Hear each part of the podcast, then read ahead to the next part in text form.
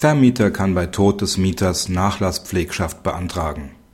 Nach dem Tod des Mieters muss das Nachlassgericht eine Nachlasspflegschaft mit dem Aufgabenkreis Beendigung und Abwicklung des Mietverhältnisses installieren, sofern die Erben des Mieters unbekannt und die weiteren Voraussetzungen des § 1960 BGB gegeben sind. Nach dem Tod des Mieters waren dessen Erben für den Vermieter nicht bekannt auch das Nachlassgericht hatte dazu keinerlei Informationen. Um nach dem Tod des Mieters auflaufende Mietraten einfordern zu können, beantragte der Vermieter als Nachlassgläubiger eine Nachlasspflegschaft für die unbekannten Erben einzurichten. Das Amtsgericht forderte dafür die Einzahlung eines Gerichtskostenvorschusses vom Antragsteller, da der Nachlass augenscheinlich dürftig war. Die Vorschusszahlung wurde verweigert, so dass die Pflegschaftseinrichtung abgelehnt wurde. Auf die Beschwerde des Vermieters ändert das OLG den angefochtenen Beschluss ab und die Nachlasspflegschaft wird angeordnet. Das Gericht verweist zunächst auf seine jüngste Rechtsprechung, wonach die Einrichtung einer Nachlasspflegschaft nicht von der Einzahlung eines Gerichtskostenvorschusses durch den antragstellenden Gläubiger abhängig gemacht werden darf.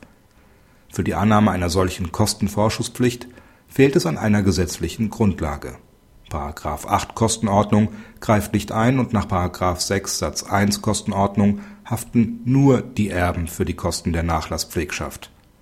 Die aufgelaufenen Mietraten stellen in materiellrechtlicher Hinsicht Nachlassverbindlichkeiten gemäß § 1967 BGB dar. Liegen die Voraussetzungen des § 1961 BGB hinsichtlich der Nachlassverbindlichkeiten vor, wird der Nachlasspfleger durch seine Bestellung zum gesetzlichen Vertreter der unbekannten Erben ob der Erbe unbekannt im Sinne des § 1960 BGB ist, beurteilt sich aus der Sicht des Gläubigers, dessen Schutz diese Vorschrift dient.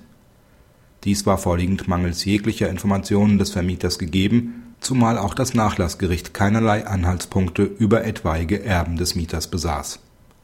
Die Nachlasspflegschaft war daher anzuordnen. Praxishinweis die Entscheidung erleichtert erheblich die Möglichkeit des Vermieters, die nach dem Tod des Mieters entstehenden Mietraten auf diesem Weg anzumelden, sofern die Erben des Mieters unbekannt sind. Zunächst sollte der Vermieter als Nachlassgläubiger jedoch Einsicht in die Nachlassakte nehmen, um sich so Informationen über mögliche Erben zu verschaffen